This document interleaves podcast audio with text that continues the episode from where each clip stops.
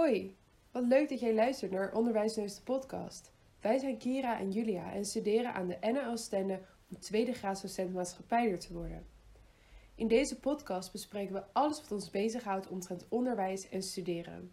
Waar lopen wij als begindocent tegenaan? Wat maken we mee op stage? En wat komt bij docentschap kijken wat wij nog niet wisten? Al onze hersenspinsels hoor je in deze podcast.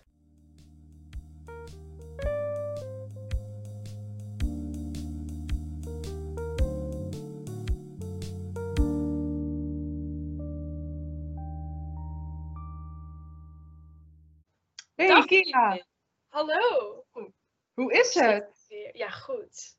Lang niet gezien. Echt letterlijk minder dan 24 uur bijna. Maar lang niet gezien voor ons toen.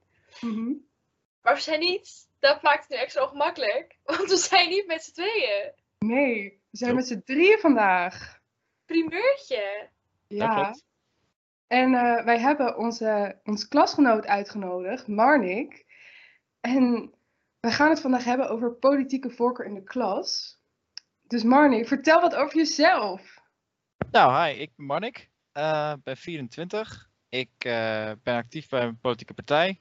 En eh, ik zit dus ook bij Kira en Julia in de klas. En ja, ik, ik was heel geïnteresseerd in de discussie. Dus ik denk, ik hop vandaag eventjes bij jullie naar binnen. Gezellig man. Ja, Marnik is echt een uitgelegen kandidaat natuurlijk. Want wij hebben beide eigenlijk helemaal verder niks met politieke banden. Eh, natuurlijk zijn we wel op een bepaalde manier politiek georiënteerd. Maar we hebben geen, geen, geen lidmaatschap of, een, of een, ja, dat je mee had in de campagne. Eigenlijk helemaal niks. En hoe leuk is het dan om iemand erbij te nemen die dat wel heeft? Ja. Nou, Nou, dus we gaan het welkom. van... Sorry Marnik, wat zei je? Ja, ik voel me helemaal welkom. Ik ben hartstikke blij. eh. Ehm, nou, dus zoals eh, we net al zeiden, gaan we het vandaag hebben over politieke voorkeur in de klas. En we kwamen eigenlijk op dit onderwerp omdat, ehm, nou ja, omdat Marnik natuurlijk vrij actief is, maar ook omdat ze bij ons op de opleiding doen ze daar heel krampachtig over. Ze willen daar niks over loslaten. Het is echt een ding. En wij vragen ons af, hoe gaan wij dit doen als wij zelf leraar zijn? En daar beginnen we denk ik gelijk de eerste vraag mee. Oh nee, wacht. Ik heb me georiënteerd op wat andere mensen vinden. Zullen we daarmee beginnen? Ja, laten ja, we daar... dat doen. Oké. Nou, eh, ik heb even vooronderzoek gedaan. En ik ga even mijn notities pakken. Ik heb een artikel gevonden van Parool. En ik zal alle artikelen die ik heb gebruikt, zal ik even linken op ons Instagram. Dan kan je dat zelf nog even nalezen. En in het Parool zeiden ze eigenlijk van dat het niet per se de bedoeling is om je politieke voorkeur te delen met de klas, omdat dat zou zorgen voor een onveilig leerklimaat. En dat wanneer jij als docent je mening zou uitspreken, dat eh, leerlingen hun mening eigenlijk niet meer willen delen. En dat er vrees is voor beïnvloeding vanuit de leraar naar de leerling en ook zelfs op de ouders. Want dat de leerlingen dat meenemen naar huis en dat ze daarmee ook hun ouders zouden beïnvloeden. Dan heb ik de grondwet erbij gepakt, ja ja, artikel 23. O jee. En die zegt eigenlijk dat het geven van onderwijs vrij is. Dus je mag het zelf invullen, maar dat je wel rekening moet houden met eh, de godsdienst en de levensovertuiging van jouw leerlingen. En als laatste heb ik een artikel van de Hogeschool van Rotterdam. En die zegt eigenlijk van ja, je moet in de, klas juist discussie aangaan, maar je moet niet gaan promoten. En dat we heel erg van dat taboe eh, af moeten dat er ook rechts wordt gestemd. Nou Marnik, Ja, vertel eens. Je hebt wel een uitgesproken mening, als we dat mogen zeggen. ja, zeg het wel. Nee, ik Ja, ik ook- wat ik volgens bij jou heel fascinerend vind, is er zijn, eh, een van onze docenten is bijvoorbeeld wel betrokken bij D66.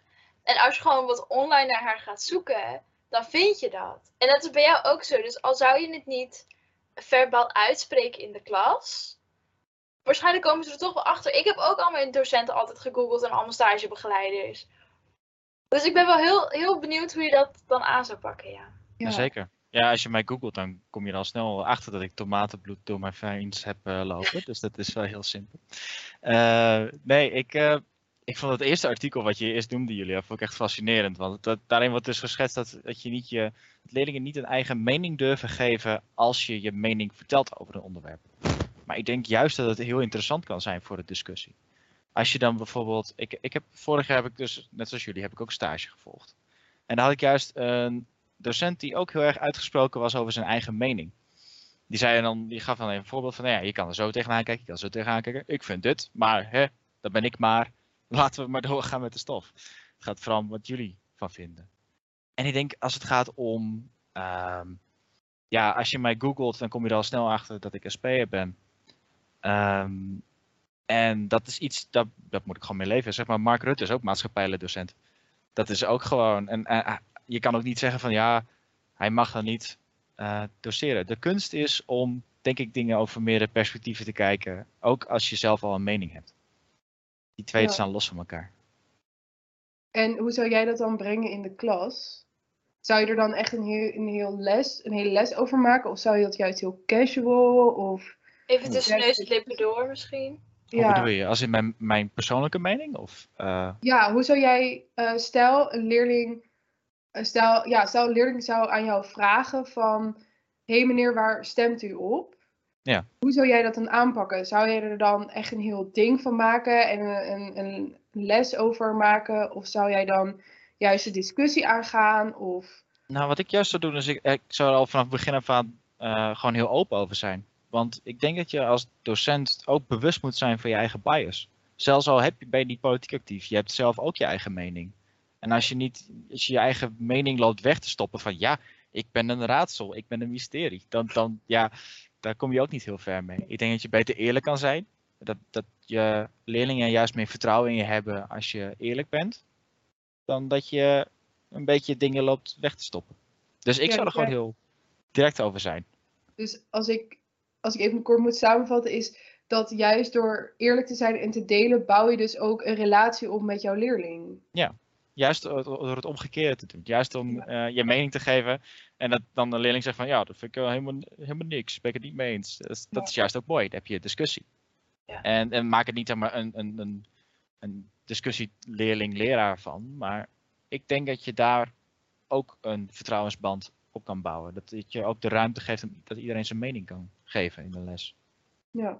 Ja. En als je het dan, ehm nou ja, wij hebben vorig jaar dan allemaal het vak sociale psychologie gevolgd. En als je het dan hebt over het conformisme, dat dus een groep mensen in een zaal zit en met drie lijntjes, waarvan het lijntje B overduidelijk de langste is. En dat het dus allemaal acteurs zijn op één iemand na. En dat ze dan worden gevraagd, wat is het langste lijntje? En dan zegt iedereen eh, A. En dan Hmm. gaat dus de niet-acteur gaat dus automatisch ook mee uit een soort angst om verstoten te worden van de groep. Als jouw klas weet wat jouw politiek, politieke oriëntatie is, ben je dan niet bang dat leerlingen die op een andere manier georiënteerd zijn, meegaan in een soort conformisme? Dat je een soort van links in de heerste sfeer krijgt in de klas? Ik zeg maar wat, hè. Dit, dat is ook helemaal niet erg, maar dit is gewoon even mijn hersenspinsels. Ben je dan niet bang dat de leerlingen ehm, daar toch op een manier gaan verzanden en dat onze leerlingen met een andere oriëntatie eh, niet meer door kunnen bloeien in die eigen oriëntatie?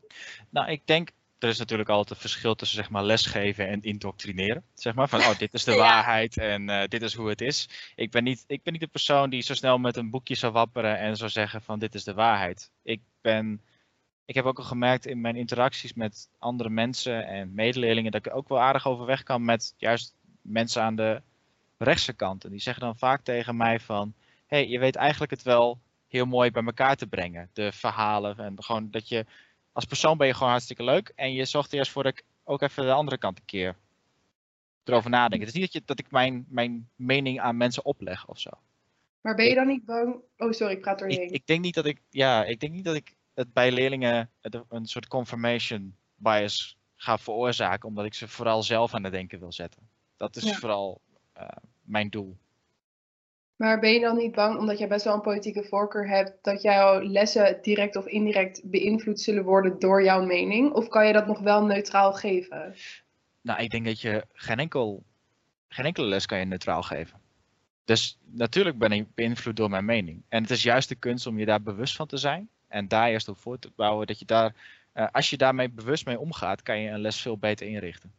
Ja. En als je dan ook de ruimte laat voor andere uh, moeilijkere onderwerpen. Of ik, zou, ik zou het liberalisme moeten uitleggen.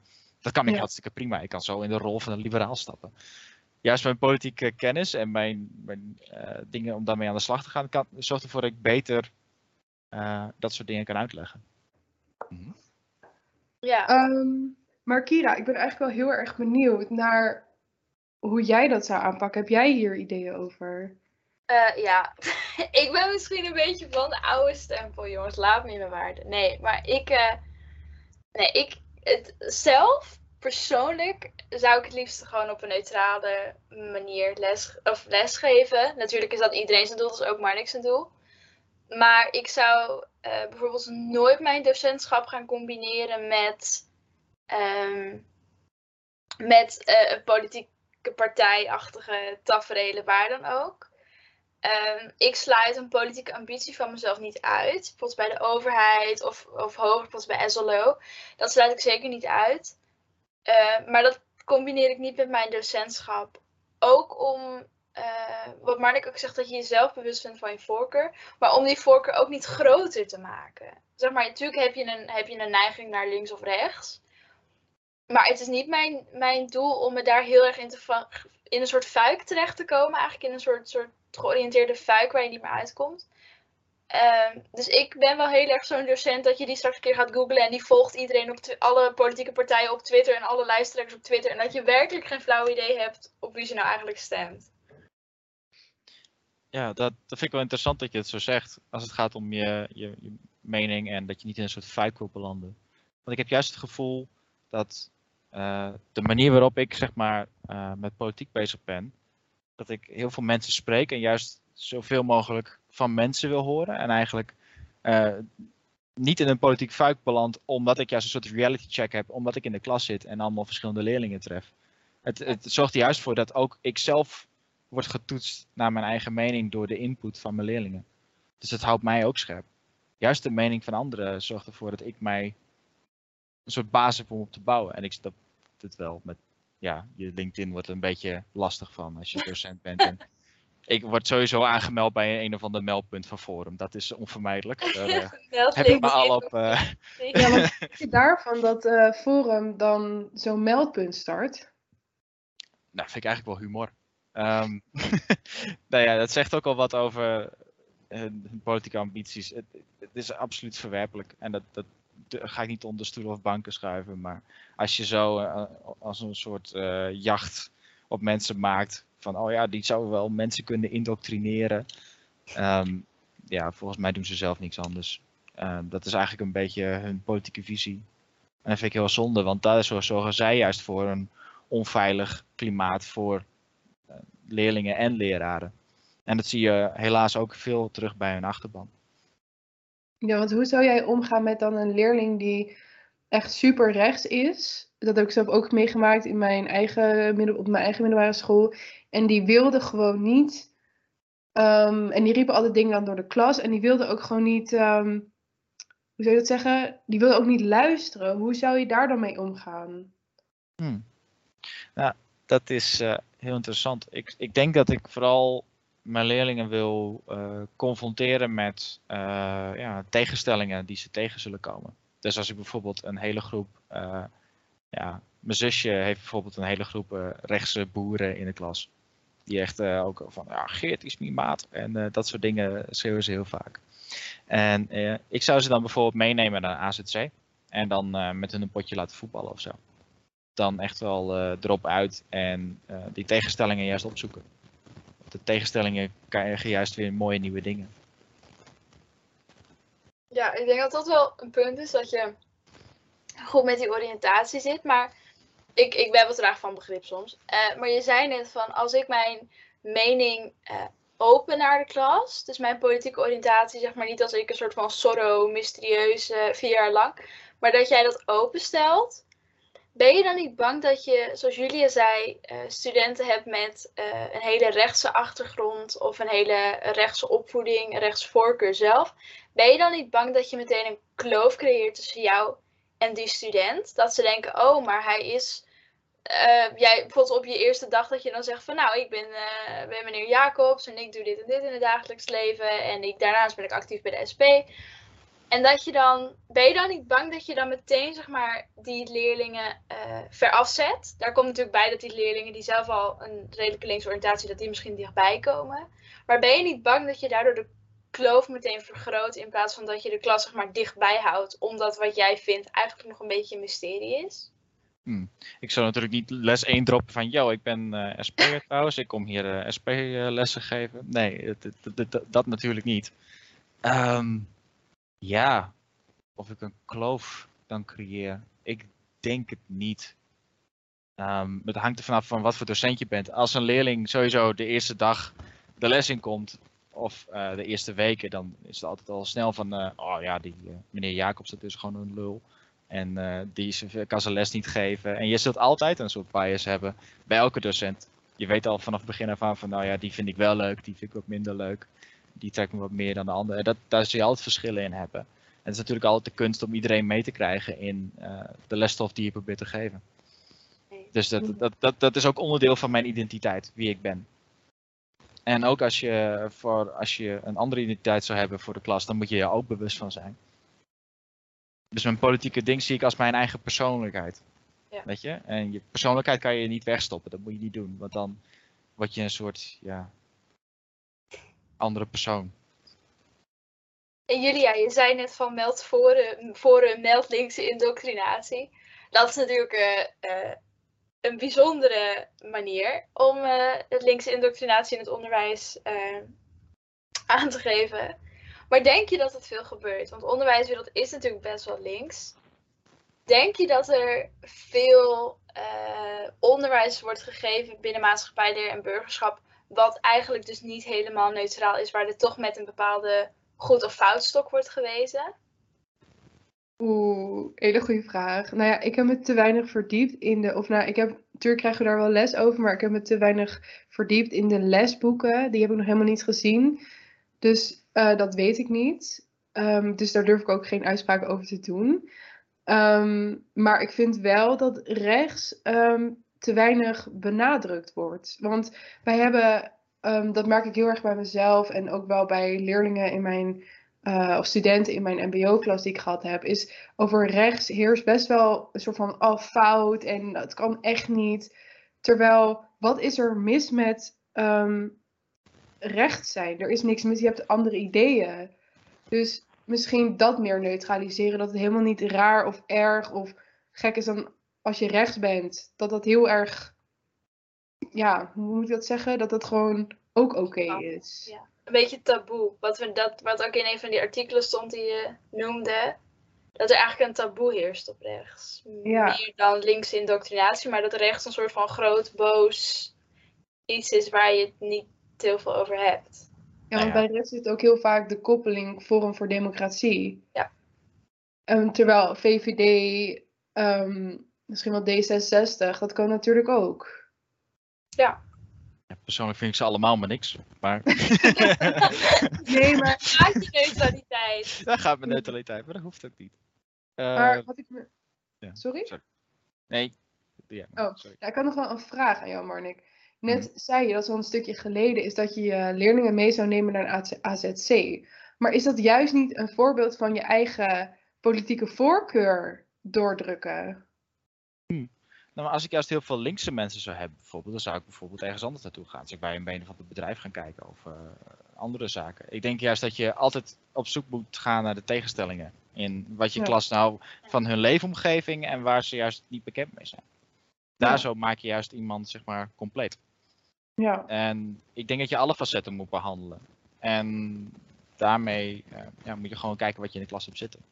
Dan vind ik het wel lastig om te zeggen dat er een, een, een bias is. Ik, ik ervaar vaak, zoals in het onderwijs, soms eh, wel een rechtse bias. Wat wil je Dus even is- uitleggen aan de luisteraar wat een bias is? Een, een bias is eh, dat je eh, een bepaalde voorkeur, bepaalde ideeën hebt bij een bepaald onderwerp. Ja. Dus ehm, ik heb nog wel eens het gevoel van, ik denk niet dat er echt een linkse of een rechtse bias is in het onderwijs. Ik denk vooral dat het allemaal gegrond is in wetenschappelijke artikelen. Je zult natuurlijk wel heel veel meer eh, ja, ik het zo zeggen, eh, centrum, links georiënteerde docenten tegenkomen. Eh, aangezien een docent is ook een identiteit. Je bent een ambtenaar, je verdient niet heel veel geld, je bent, zit niet in het bedrijfsleven. Dus ehm, je, moet, je zit dan ook al echt ergens in de middenweg, want dat zijn ook mensen met een bepaalde identiteit. Ja. Dus als je je daar ook bewust van bent, dan weet je ook wat voor soort mensen daarin gaan zitten. Zeg maar, Ja. als ik zeg maar, eh, weet ik veel, stockbrokers in Wall Street ga interviewen, wat, wat hun politieke achtergrond is, dan zul je ze overmatig waarschijnlijk eh, kapitalistisch en rechts tegenkomen. Maar dat hangt er vanaf wie je bent. Ehm, ik ben ervan overtuigd dat de omgeving zeg maar de mens maakt. Dus, ehm, en dat, dat weerkaatst op elkaar. Dus als je jezelf of eh, mensen in een andere omgeving plaatst, dan leren ze weer nieuwe dingen. Ja. Mm, Hoe zou jij het doen, Julia? In de klas. Heb je daar al een beeld van? Van hoe jij dat zou, zou gaan doen? ja, moeilijk. Eh, moeilijk. Nou ja, ik zou niet. ehm, ik zou denk ik niet uit mezelf vertellen dat ik. ehm, ja, ik vind het heel lastig, want ik heb natuurlijk nog maar één keer gestemd. En ik ben, heb niet zoals Marnik dat ik zo echt één voorkeur. En waarschijnlijk ben ik gewoon, zelfs als maatschappijleerdocent, een zwevende kiezer. Dat heb ik ook. Dat. En eerst schaamde ik me daar echt voor dat ik dacht dat iedereen in de klas al zo goed wist wat hij zou stemmen. Terwijl ik dacht van ja, volgens mij ben ik gewoon zwevende kiezer. Ehm, nee, maar als een leerling eh, echt aan mij zou vragen wat mijn politieke voorkeur is, dan kan ik denk ik niet per se een partij ehm, aan kunnen geven, maar wel dat ik links georiënteerd ben. Ehm, maar ik zou niet uit mezelf vertellen van dat ik links georiënteerd ben. Maar ik zou zeker de discussie of ehm, de discussie of het gesprek in ieder geval op gang willen brengen. Van hey, wat vind jij nou belangrijk? Wat zijn jouw normen en waarden? En waar ik net, dat komt net in me op, is wat me heel leuk lijkt om te doen, is om leerlingen verschillende partijen te geven. En dan moeten ze de standpunten en dan moeten ze vanuit die standpunten debatteren. Ehm, zodat je dan niet alleen bezig bent met wat jij vindt, maar ook wat anderen vinden. Ehm, ja, er moet natuurlijk wel heel, vorm, heel veel vorm aangegeven worden, maar dat lijkt me wel heel leuk dat ze dan ook vanuit verschillende ja, inzichten kunnen debatteren. Ja? Ik heb, dat, ik heb dat gedaan met stage voor Echt? Diversiteit en Burgerschap. Toen hebben wij op een school, hebben wij, eh, eh, dat ging dan over je eigen geluid laten horen in het kader van diversiteit. En toen hadden we dus een stelling over, toen was dat net met Lil Kleine gebeurd, dat platenmaatschappijen eh omstreden artiesten zouden moeten boycotten. En een aparte scholen voor LHBTI leerlingen, LHBTI plus leerlingen. En toen hebben wij dus ook de studenten gewoon toegeschreven wat ze moesten vinden. Dus nou, jullie zijn voor, in plaats van ze zeg maar eh allen zelf een eigen positie te laten kiezen. En dat was echt super leuk, want je, de reacties waren dus ook echt, oh, had ik eigenlijk helemaal niet over nagedacht, dat je ook dat kan vinden. Want dan heb je daar meer mee te maken. Dat was heel grappig, dat was echt een aanrader. Ja. Oh, wat leuk. Ja, en ik denk ook dat het belangrijker is dat je focust op het feit dat ze gaan stemmen, zeker op, ehm, op MBO, dan Ja. op wie ze gaan. Natuurlijk is het belangrijk op wie ze gaan stemmen. Dat is ook zeker een onderdeel, maar dat, dat ze gaan stemmen, vind ik ook heel belangrijk. Ja. Ja. Nee, ik, ik zou zeggen, wat je zegt Julia over, ehm om terugkomend op het eerste puntje wat je zei van, eh, ja, ik, ik zou niet zo direct aangeven van wat ik zou gaan stemmen of wat dan ook. Ik denk juist dat je dat ook als een soort eh, machtig iets kan gebruiken in je les. Zelfs als, stel, je zou mijn stijl oppakken. van ja, ik kan sowieso niet on- onder stoelen of banken schuiven. Dus het is ook een soort ja, extra wapen in mijn lessen. Van ja, ik kan er wat over vertellen of eh, kan er wat mee. Eh, als een soort gereedschap. Kan je het ook juist gebruiken van ja, ik weet het zo ook niet. En eh, er zijn heel veel. je kan heel veel keuzes maken en dit zijn alle keuzes. Dan moeten we het over hebben en desnoods doen we een debat of iets. Ja. Ehm, waar ik ook wel heel benieuwd naar ben, is ehm, bij ons op de opleiding, zoals ik net aan het begin al zei, doen ze daar heel krampachtig over. Ze willen het echt niet delen. Wat vinden jullie daarvan? Op een maatschappijleeropleiding willen ze het niet delen. Ja, wat vind ik ervan? Ik, ik denk iedereen moet daar zijn eigen keuze in maken. Dat sowieso. Maar ik vind het wel, wat ik eerder zei, mijn eigen persoonlijke overtuiging is van, nou ja, je kan het gewoon wel ja, wees er gewoon eerlijk over wie je bent en wat je vindt. Want daar heb ik veel meer aan dan eh, als je het een beetje wegstopt. Maar ik snap wel als je dat niet in je, dat je niet je lessen daar ook mee wil beïnvloeden. Vooral als je er eh, van overtuigd bent dat je daarmee je lessen uh, beïnvloedt. Of dat je jezelf moet gaan verdedigen of je, dat soort zaken. Maar ja, dat vind ik een beetje van. Ik zou er gewoon wat eerlijk over zijn. Ze hoeven er niet zo krampachtig over te zijn, want daar hebben we gewoon, zijn we wel open genoeg voor, denk ik. Ja, de kramp mag eraf voor mij. Ehm, maar ik snap het wel. Maar ik vind het dan nog weer wat anders op een HBO-opleiding met allemaal volwassen mensen. Uh, die een maatschappijleropleiding doen. Dus wij zitten al de hele dag met onze neus in de politiek en in de maatschappij. Vind ik het nog weer anders dan wat ik al zei op een, op VO of een MBO, waar de, de kneedbaarheid natuurlijk nog veel groter is. Ik denk dat wij ook allemaal er wat een harder hoofd in hebben in wat we vinden. We zijn minder makkelijk om te praten of om te kneden, zeg maar. En ik, ik, ik zou dat ook best wel leuk vinden om daar nog gewoon eens een keer een discussie mee te hebben. Uh, maar wat Marnik net zei over uh, de angst uh, voor beïnvloeding en het feit dat je jezelf altijd moet verdedigen. Dat je leerlingen dus um, ervan uitgaan uh, dat als ze jouw politieke voorkeur weten, dat ze er dan meteen van uitgaan dat jij een soort constante uh, links- of rechtse toon voert in de les. Ook al is dat misschien niet zo, um, dan kunnen ze dat misschien alsnog zo interpreteren, ook door een bepaalde soort onwetendheid misschien. Dat is wel iets waarom ik nog heel erg vasthoud aan het feit dat ik het gewoon liever niet deel. Misschien met mijn examenklasse een keer en zo. Maar ik wil um, voorkomen dat mijn leerlingen um, ervan uitgaan dat ik met een linkse toon of met een rechtse toon zing. Omdat ik dat ooit een keer heb verteld aan iemand. En dat ik mezelf dus constant moet verdedigen. Terwijl ik weet dat ik mijn stinkende best doe om altijd een neutrale toon te voeren. Ja, maar ik zit dan wel over na te denken van, wat is dan zeg maar, nou, ze noemen dat wel eens de, de slinkse media. Uh, wat is dan de sl meest slinkse uh, manier? Als ik zeg maar openlijk zeg van ik ben SP'er en ik ben er juist heel open over. Of dat ik het juist wegmoffel en dat ze misschien later op een andere manier achterkomen.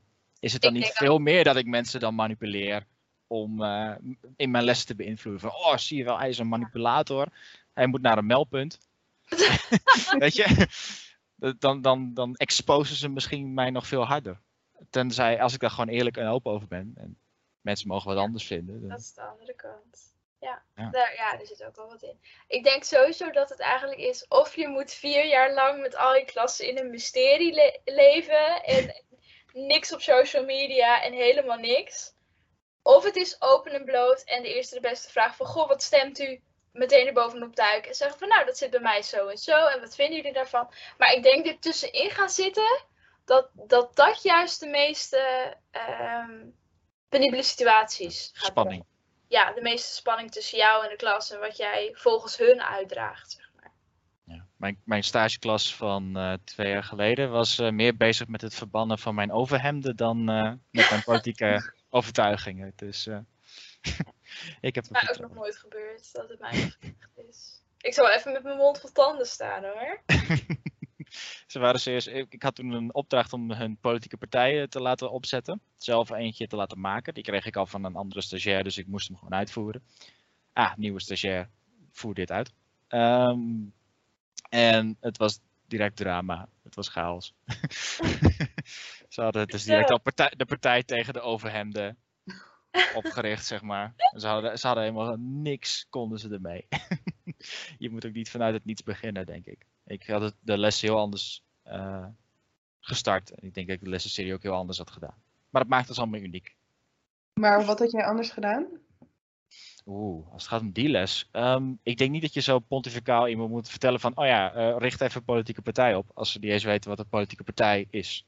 En hoe je zoiets zou moeten oprichten überhaupt. En um, als politiek zo ver van je afstaat. Want politiek is wordt heel vaak over gedacht van het, het zijn gemeenteraden, het zijn het is provinciale staten, het zijn allemaal mensen in pakken die ver weg zitten, allemaal beslissingen maken waar ik geen invloed op heb. En politiek voor mij is meer um, bezig zijn met de eh, vragen en de eh, discussie van de dag. Van hoe wij als samenleving met elkaar om willen gaan. Ja, En als je daarmee het ook heel praktisch maakt, als je dat zo uitlegt aan je leerlingen, dat dat eigenlijk ook politiek is, ja. dan maak je het veel logischer en veel tastbaarder. Dus het is veel breder dan alleen de partijen en de Tweede Kamer en de Eerste Kamer. Ja, daarmee maak je je stoffig voor mensen, denk ik. Ja, want ik hoor je net zeggen dat politiek soms best wel ver van de leerlingen kan staan. Hoe zou je dat dichterbij kunnen brengen? Hmm. Nou, ik denk, ik ben er persoonlijk van overtuigd. Ik, ik wil het nog in de praktijk allemaal gaan toetsen, ook nog beginnende leraar. Maar dat je gewoon met die leerlingen zelf aan de slag moet. Door eh, excursies te doen, maar ook ehm, zelf de waarheid te gaan ontdekken. Ehm, zelf dingen gaan uitzoeken. eh, misschien ze mee te laten denken in het politieke proces. Misschien zelf een eigen mening geven over een onderwerp. Misschien moeten we toch maar iets van een, eh, een spandoek een keer maken of zo. Of eh, naar een gemeenteraadsvergadering die wel interessant is. Zijn die er? Of ja, vast wel. Of gewoon met, me- met klasgenoten spreken over eh, de, de problemen die we allemaal tegenkomen. Ehm, wat is het? Discriminatie in het uitgaansleven. Daar valt heel veel over te zeggen. Geweigerd worden bij een deur, daar kun je een hele discussie over voeren. Of eh, wat is het? Er zijn heel veel onderwerpen die onder jongeren leven waar je heel veel mee kan. En als je dan zo de politiek een stuk tastbaarder maakt van nou, waar moeten we dan naartoe met dit probleem? Hoe gaan we dat dan oplossen? Dan maak je het eh, veel tastbaarder. Ja, ja, heel diep. Ja. Heel diep en zweverig, maar het is, eh, het, het, het, het is je moet niet aan mensen vertellen van er zitten zoveel zetels in die kamer en je, dat, dat is niet mijn doel. Ik denk, mijn onderwijsvisie is meer eh, zelf je hand uit de mouwen steken en actief met de lesstof aan de slag. En waar plaats je jezelf dan? Eh, In het VO, het MBO, eh, misschien wel de HAVO, het VWO. Waar, waar heb je al een idee waar je ambitie ligt? Oeh. Nou, ik heb dus eh, vorig jaar en het jaar daarvoor heb ik eh, op het eh, VMBO heb ik overwegend eh, les mogen geven en eh, stage gelopen. Maar ik heb toen ook vorig jaar de HAVO en VWO gezien en eh basiskader. En ik had wel echt heel veel lol met de basiskaderleerlingen. en het lijkt mij ook veel meer, voelt het alsof mijn doel daar wat meer van belang is dat ik daar ben. Maar het lijkt me ook heel leuk dat ik dit jaar, want dit jaar hebben we natuurlijk ook nog stage. ehm, waarschijnlijk word je dan op een MBO-school geplaatst. En het lijkt me heel grappig om eh, met autotechnieklui te hebben over eh, het onderdeel arbeid. En te hebben over hun werk en vakbonden en wat het allemaal betekent, zo'n CAO-onderhandeling. En dan maak je het ook heel echt over hun werk, van dit gaat over jouw centen. Dus dan wordt het ook heel interessant. Heb je, ehm, als we het hebben over, eh dan ben ik eens benieuwd wat Julia ervan vindt. Want Julia, jij zei net meer dat ze stemmen dan wat ze stemmen. Ik denk dat dat mijn nieuwe, mijn nieuwe wordt als het gaat om lesgeven over politiek.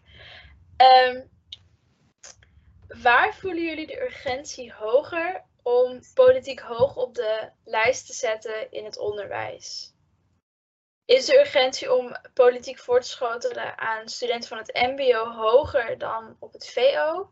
Of is het andersom? Of zeg je op beide plekken moet aandacht zijn voor politiek?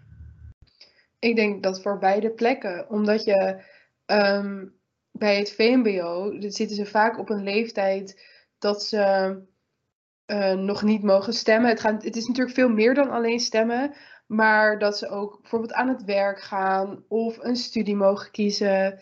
En ik denk dat dat heel erg belangrijk om politiek te bespreken, omdat het een voorbereiding is op hun toekomst, omdat ze het werkveld ingaan, omdat ze zich kunnen oriënteren naar wat is er eigenlijk allemaal, waar sta ik voor? Of waar staan partijen voor.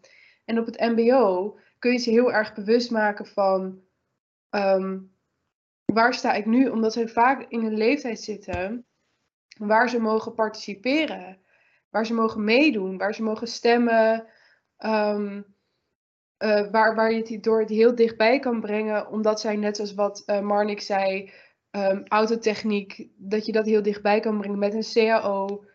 Ehm, dus ik denk dat het voor allebei heel belangrijk is. Ja, ik denk persoonlijk dat het eh, ook inderdaad voor allebei heel belangrijk is. Wat ik vooral merk is dat er op uh, VMBO, wat ik heb gezien, dat er ehm, het nog heel ver, de, de leraar heel ver van de leerling staat. Dus dat hij niet echt in die leefwereld van de leerling kan stappen. In ieder geval, ehm, voor zo'n leerling is het heel moeilijk om met lesstof bezig te zijn over de Tweede Kamer als zij uh, zelf zoveel dingen in hun eigen omgeving hebben en politiek, waar ze totaal niet bewust van zijn.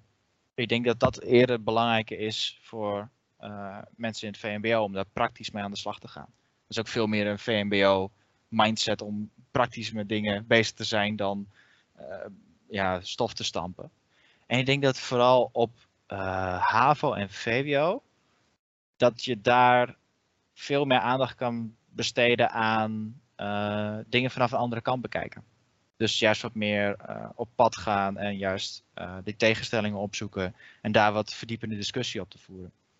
Dus, maar ook dus te verplaatsen van iemand die op de HAVO zit, om die een keer mee te nemen naar een, een, fabriek of um, echt heel praktisch werk, met een schoonmaker mee laten lopen. Want dat is ook een stukje bewustzijn, want dat zijn ook mensen die zeg maar, essentiële werknemers worden ze ook wel genoemd. Om daar ook bewust van te zijn wat die voor werk doen en wat hun leefwereld is. Want daar hebben wij ook onze eigen bias weer. Als uh, heel veel havisten die daar niet echt in staan. Nee. En Kira, hoe kijk jij er tegenaan? Uh, ik denk dat de zeg maar, als ik, zeg maar, ik heb absoluut niks met de HAVO of met het VWO. Daar hou ik me ook helemaal niet mee bezig. Dat is misschien heel erg. Sorry, alle havisten van Nederland, waaronder ik zelf. Um, maar als, ik denk dat de vorm vooral heel erg anders is. Dus wat Julia ook zegt, op het VMBO zou ik me veel meer richten op um, de vorming van een, een, politieke opvatting en een politieke oriëntatie. Dus nou, goh, en dan ook vooral lekker de advocaat van de duivel spelen. Want ik heb gemerkt dat als je die, die leerlingen op het VMBO of die net van het VMBO afkomen, uh, ook al van de entreeopleiding, dat zit toch ook, schommelt dat nog een beetje rond het VMBO. Daar merk je gewoon dat laat hun maar lekker praten. En dan komen er de fantastische politieke opvattingen en oriëntaties uit. En lekker advocaat van de duivel spelen. En zeggen, ja, maar hè, die rijke mensen hebben wel heel hard gewerkt voor, hun, voor het geld wat zij verdienen. Moet je dat dan met. Is dat niet demotiverend? Daar constant, zeg maar, mee werken. Nee, dat is en ik denk dat ik op, op, de, op het MBO, zeg maar. Natuurlijk gaan ze niet met mij mee. Overigens wordt er wel over gepraat, waar ik heel erg over te spreken ben. Dat je van het VMBO naar het MBO meegaat met je klas. Uh, maar ik weet ook niet wat die andere klas op het daar op het, hun VMBO is gebeurd. Maar om ze dan op het MBO meer te richten op. Oké, maar waarom moet je stemmen? Natuurlijk moet je niet stemmen. Maar waarom is het wel belangrijk dat je je bewust bent van die kans die je krijgt uh, in een democratie? Daar zou ik me dan meer op richten. En natuurlijk ook nog wel op een stukje vorming, want je weet natuurlijk nooit hoe, hoe warm ze daarin zijn. Uh, maar ik denk dat de vorm vooral heel anders is. Maar dat je op beide plekken evenveel tijd eigenlijk moet wijden aan, um, ja, aan de politiek in de klas. Ja. Leerlingen op het VMBO niet onderschatten. Die zijn best wel uh, pinter hoor. Uh, ja. Vooral als het gaat om politieke opvattingen. Ja. Ze hebben gigantisch, uh, heel vaak heb ik gemerkt, hebben ze hun mening ook even snel klaar als op de HAVO. Dat ja. maakt niet uit. Er is ook gewoon een sterke mening. het is juist de kunst om dat voor die leerlingen praktisch te maken, dat ze er wat mee kunnen. En omdat, uh, ja, af en toe eventjes een, een, maar is dat wel zo? Vraag te kunnen stellen, zeg maar. Om een beetje op het verkeerde pad te brengen. Laat ik het zo zeggen. Is er een verkeerd pad dan? Er is altijd een verkeerd pad. Nee, okay. dat is een gek. nou jongens. Ja, ik denk dat we echt wel heel veel besproken hebben. Ja, maar we hebben nog een vraag, hè? Ja, we hebben een kijker, of nee, een luistervraag. Een luistervraag. Hey. Dat klinkt echt heel leuk. Nou, um, hoe ziet volgens jullie de ideale begeleiding eruit? Vanuit jullie opleiding en wat verwachten jullie van de stageschool? Wij zijn als afdeling school ook bezig met programma's te maken voor nieuwe collega's en stagiaires. Nou, hoe leuk. Ja. Hoe leuk. Hoe leuk. Nou, Marnik, zullen we bij jou beginnen? De gasten eerst. Oeh. Zo de ideale stagebegeleider. Ik denk dat ik heb vorig jaar echt een fantastische stagebegeleider gehad. Die mij ehm, gigantisch in het diepe wou gooien. Dat is ook wel heel fijn. Is af en toe wel heel eng. Maar ik denk dat je daar eh, een ideale stagebegeleider die gooit je in het diepe. Maar die zorgt er wel op voor dat je een beetje een vangnet hebt.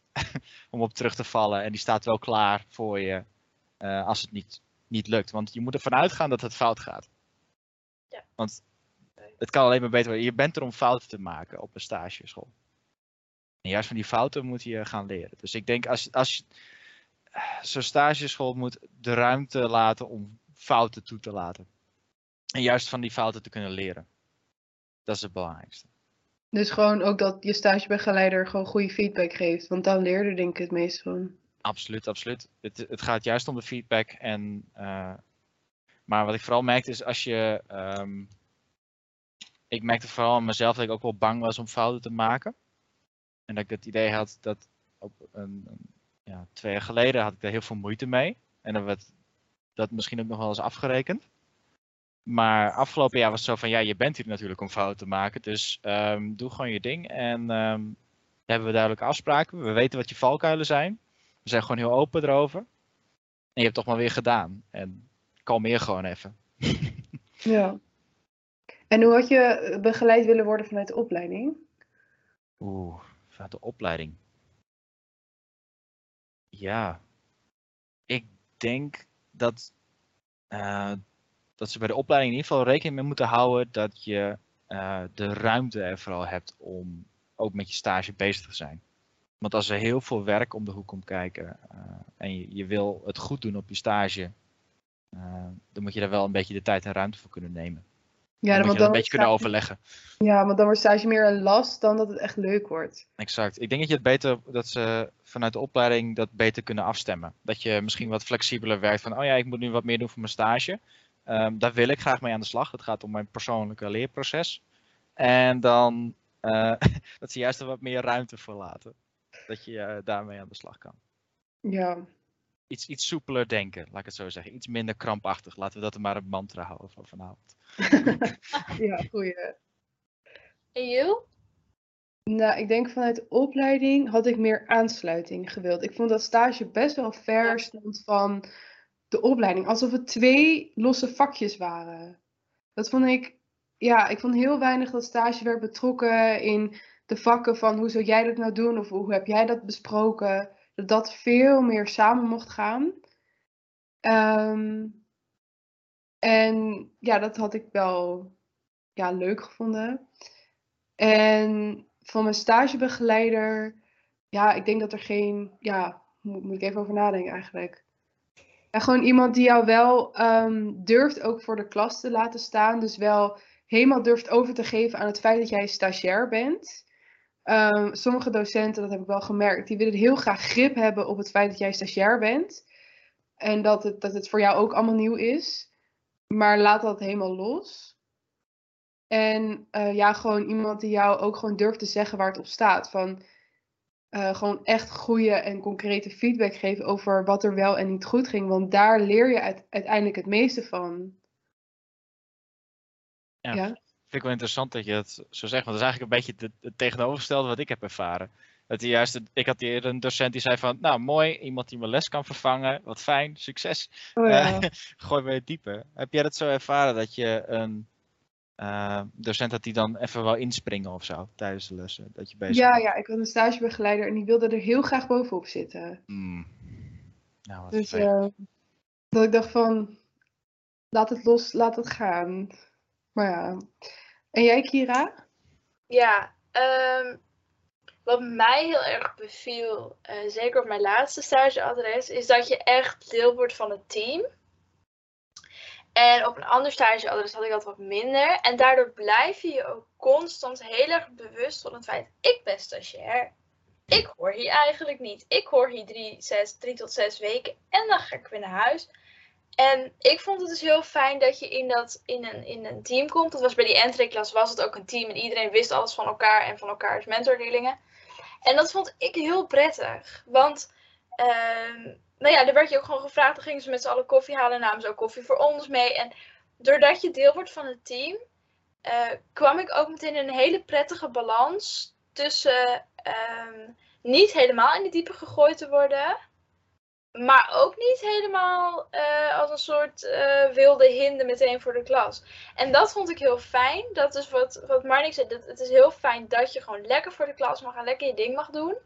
Maar je staat niet helemaal los van de school en het team. En dat Ja. vond ik heel fijn, want ik heb ook een stageadres gehad, daar moest ik dan een lesserie maken. En daar was ik eigenlijk compleet in de diepe gegooid. Maar ik had nul binding met het team door corona. En dat vond ik wel heel hinderlijk dan. En wat jullie ook zegt, ik heb liever dat je gewoon zegt, yo, jouw les deugde niet. En dat komt waarschijnlijk van die, die voorkennisopweksessie, dat was die hysterisch. Dan dat iemand gaat zeggen, nou, en waar denk je dat het zelf mis is gegaan? Want in je eerste jaar weet je zelf nog niet waar dingen misgaan. Ja. Nou, absoluut.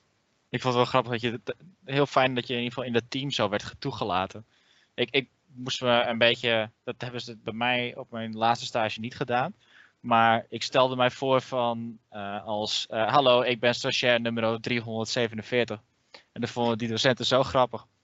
dat ik direct al zeg maar, werd toegelaten tot hun bubbel. Ja, Dus Ik denk een dat het ook wel belangrijk is dat je docent of je begeleiders jou niet zien als stagiair. Ik denk dat ze jou gewoon moeten zien als een volwaardig iemand. Want dat merkte ik ook wel, is dat je wordt heel snel gezien, oh jij bent de stagiair. Maar ik vind dat eigenlijk zo denigrerend als ik erover nadenk van, oh jij bent het maar. Terwijl jij bent hier om te leren, jij wil een vak leren. Dus ja, en inderdaad, wat jij, Kira ook zei, gewoon heel erg die binding. Dat is ook heel belangrijk, omdat je dan pas ook erachter komt of dit echt nou iets is wat jij leuk vindt. Ja. En wat jullie ook zei, het loslaten, dat vond ik ook wel heel fijn. Dus er werd dan tegen mij gezegd van nou, ik ga, willen jullie ook een les oppakken? Nou, hallo, dat wil je natuurlijk. En toen zei ze dus van nou, hoe, eh, eh, nou ik ga dus die les ga ik oversparen en ehm, geld uitgeven en dat soort dingen doen. Dat was ook bij die entree-opleiding. En dan hebben zij hebben dan een economisch stukje en een politiek, nou allemaal van die stukjes. En ze zei van nou, zo heb ik het gedaan. Eh, dit is de PowerPoint. Dit is het werkblad dat ze van mij hebben gekregen. Doe lekker je ding. En eh, ik had dan op vrijdag hadden we een stage. En dan zei ze, ik wil het voor woensdag even hebben gezien. En als je niks hoort, dan is het prima. En dan mag je vrijdag voor de klas. En die, die kleine tussenstap die je nog hebt, dat vond ik ontzettend fijn. Want ik werd helemaal vrijgelaten. Ik heb ook echt me compleet helemaal verzand in die lessenserie toen. En dat was heel fijn, want eh, je hebt toch die stok achter de deur. Maar je valt wel in het diepe. Dat is net als dat je een les geeft, maar de docent zit achterin. Je, het voelt alsof je in de diepe valt, maar er zit altijd nog een reddingsboei achter in de klas. En zo voelde die les ook een beetje. En dat vind ik persoonlijk ook nog, vond ik altijd nog heel fijn. Op een gegeven moment dacht ik wel, nou laat me nu maar lekker zelf die lessen begeleiden, dat lukt me prima. Maar dat je dat dan ook aan kan geven en dat er ook de ruimte voor is. En ook dat je dan een keer het los durft te laten in de zin van, laat ons maar een keertje iets doen. Zeg maar, hey, wil je dit even twintig keer kopiëren? Of wil je even naar mijn collega toe en even vragen over dit en dit? En laat het dan maar fout gaan, maar daar leren wij zoveel van. Uh, dus het is misschien eng dat je iemand op pad stuurt met de garantie dat het misschien misgaat. Maar voor onze leerweg is dat echt prachtig. Voor ons leerproces. Oh, Leerproces. nee, ik vond het heel mooi hoe je dat zei. Van, uh, als een soort reddingsboei. Laat ons maar even dobberen, maar laat ons. Ja. We, die reddingsboei moet er wel zijn. Ja. ja. En dat mag langzaam mag dat gedurende. Als je een langere periode in één staat, dan mag dat heel langzaam mag die reddingsboot verder weg dobberen. Maar het is ook al een bemoedigende, bemoedigende gedachte dat het er is. Ja, heel erg. Het hoeft, niet, het hoeft niet nodig te zijn. Dat is net als dat je pleisters in huis hebt. Het is fijn dat ze er zijn. Maar je, je gaat waarschijnlijk eerst vier weken zonder. Maar dat, dat, het is een fijne gedachte dat je die bescherming hebt of zo. Ja. Elke vier weken nieuwe pleisters nodig. Je weet niet hoe onhandig ik ben. oh, oh, oh. Nou, ik denk dat dit een was voor deze keer. Ja. Fantastisch. Echt heel leuk, Marnik. Dankjewel dat je er wilde zijn. Ja, ah, ik vind het ook hartstikke leuk dat ik bij jullie kon aanschuiven. Ja, echt Graag weer. Jongens, als jullie uh, Marnik vaker willen horen in onze podcast, laat het me even weten in de reacties. Ja. ben in ieder Laat geval ook. vragen weten. Ja, laat. Ja, En Als heb je nou eens een leuk idee? Breek in onze DM, want misschien kan je wel gewoon meedoen. Ja, Hoe is dat? Ja. Hoe meer zielen, hoe meer vreugd. precies. Nou, Marnik, heel erg bedankt. Dank je wel. We zien elkaar snel weer, denk ik. Maandag weer. Maandag. En dan, wat zeiden we nou altijd? Tot de volgende ronde. Tot de volgende ronde. Ja, Tot de volgende ronde. Oké.